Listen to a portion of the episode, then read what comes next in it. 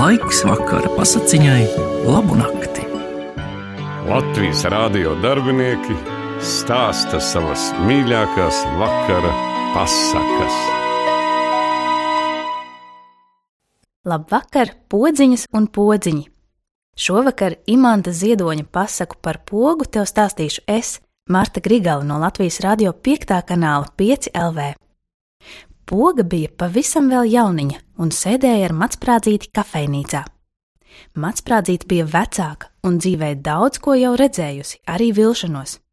Vienmēr tā bija iznācis, ka viņa nemācēja atšķirt īstos matus no neīstajiem. Matsprādzīte teica pogai: Tev nu tagad galvenais jāsargājas, ka nepiešuj. Poga klausījās muti ieplatusi. Visādi diegi tagad vazājas, teica Matsprādzīte. Skaties, ka tevi nepiešuj, un nobaidīja pogu. Poga sāka vairīties. Kur kaut kas līdzīgs adatai, gāja ar līkumu apkārt.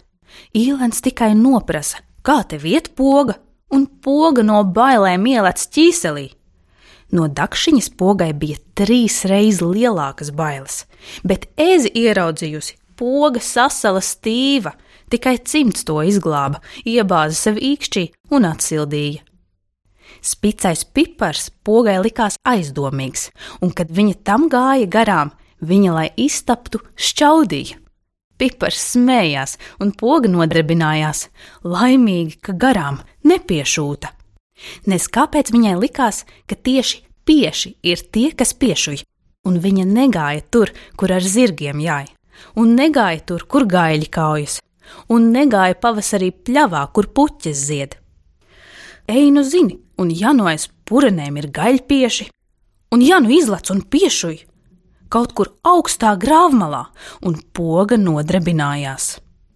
Arī burtnīcās bija tādas aizdomīgas līnijas, kā gari diegi, un uz geogrāfijas kartēm sazīmēti visādi līču loču diegi, un poga nolēma, ka skolā neies, un tā palika ar katru dienu jo muļķīgāka.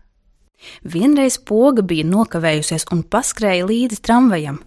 Kāds iesaucās: Rekā tā diedz! Un pogai visas četras acis iepletās. Kur? Un ieraudzījies sevis ielas galā kā adatu gaisā televīzijas torni un sāka skriet no visa spēka. Bet cik paskatās atpakaļ, tik redz, tornis aiz muguras, un visi kliedz, rekā diedz, pa kaklu, pa galvu un nezinu, kā tas būtu beidzies, ja poga neieķertu asfaltā. Asfalts pogu nomierināja, ka televīzijas tornis pašlaik esot remontā un nemaz nevarot nekur paskriet. Poga nosauca asfaltu par savu glābēju un turpmāk draudzējās tikai ar mīkstām lietām - ar līmi, ar biesputru. Tā bija ķēpīga dzīve. Kad bija pielipusi, grūti bija atlipt, kad bija ieķepusi, grūti izķept, un poga ļoti nomocījās, kļuva ar katru dienu bēdīgāka. Un pogai uznāca dzīves apnikums. Kādu dienu pie gāzētā ūdens automāta pogu ieraudzīja rāvējslēdzējs. Ej, tu, ripiņa! viņš teica. Ielec automātā, man gribas dzert! Kāda es esmu ripiņa? Pogai sanāca dusmas. Es esmu poga, viņa teica. Par pogu tu nederi, teica rāvēslēdzējs. Tev nav neviena caurumiņa. Poga paskatījās spogulī. Jā, gan. Pretī viņai raudzījās apķepusi ripiņa, bez kāda raksta, bez kādas krāsas, bez neviena caurumiņa. Ko sagribējusi? Poga gan tu nēsi! Smējās rāvēslēdzējs bleķa zobus spīdinādams. Varbūt tu būsi vēl gredzens, varbūt ola? Un rāvēslēdzējs nelikās mierā. Varbūt tu esi lidmašīna un pārvedā pasažierus? Nē, jau bailīgāk teica poga. Es esmu poga. Varbūt tu esi krūze ko un dod pienu? Ej, derēt! Sāka kliegt rāvēslēdzējs. Kur? prasīja poga bet rāvēslēdzējs tikai kliedza: Derēt, derēt, derēt!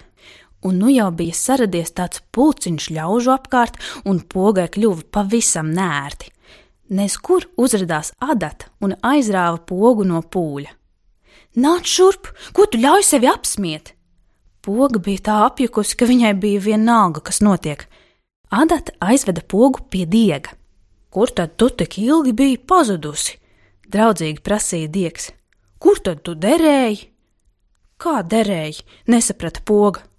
Nu, varbūt piederēji? Poga sāka domāt. No vienas puses, teica diegs, tu biji brīva un izslaucīja pogai vienu acīti. Bet no otras puses, tu nekur nederēji, un iztīrīja pogai otru actiņu. No vienas puses, visi jau grib būt brīvi un svabadi, teica diegs un atbrīvoja pogai trešo aci. Bet no otras puses, nekāda laimīgie viņi nav, jo nekur un nevienam nepieder. Un diegs izbrīvēja pogai ceturto caurumiņu.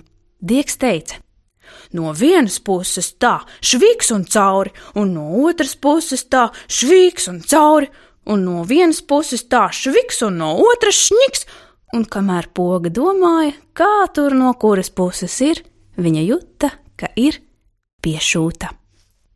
Tikai dīvaini, nebija nekādu aizdomu un nekādu baiļu vairs. Vienu vien pogai gribējās zināt, kas jādara.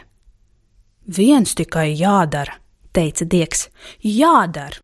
Es varu derēt, ka tu tagad derēsi. Poga paskatījās apkārt un ieraudzīja vēl citas pogas, arī piešūtas, un visas pogojās un pogojās. Un cilvēki satikās un teica, kādas tev skaistas pogas!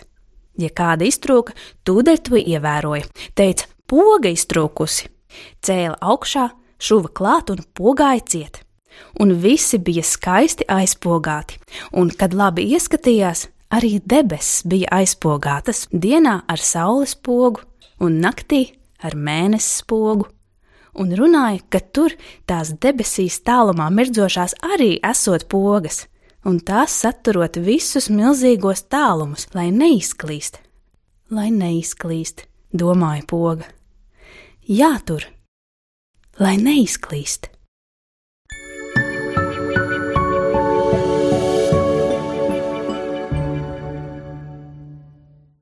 Imanta Ziedoņa pasaku par pogu stāstīju es, Marta Grigale, no Latvijas radio 5. kanāla 5 LV.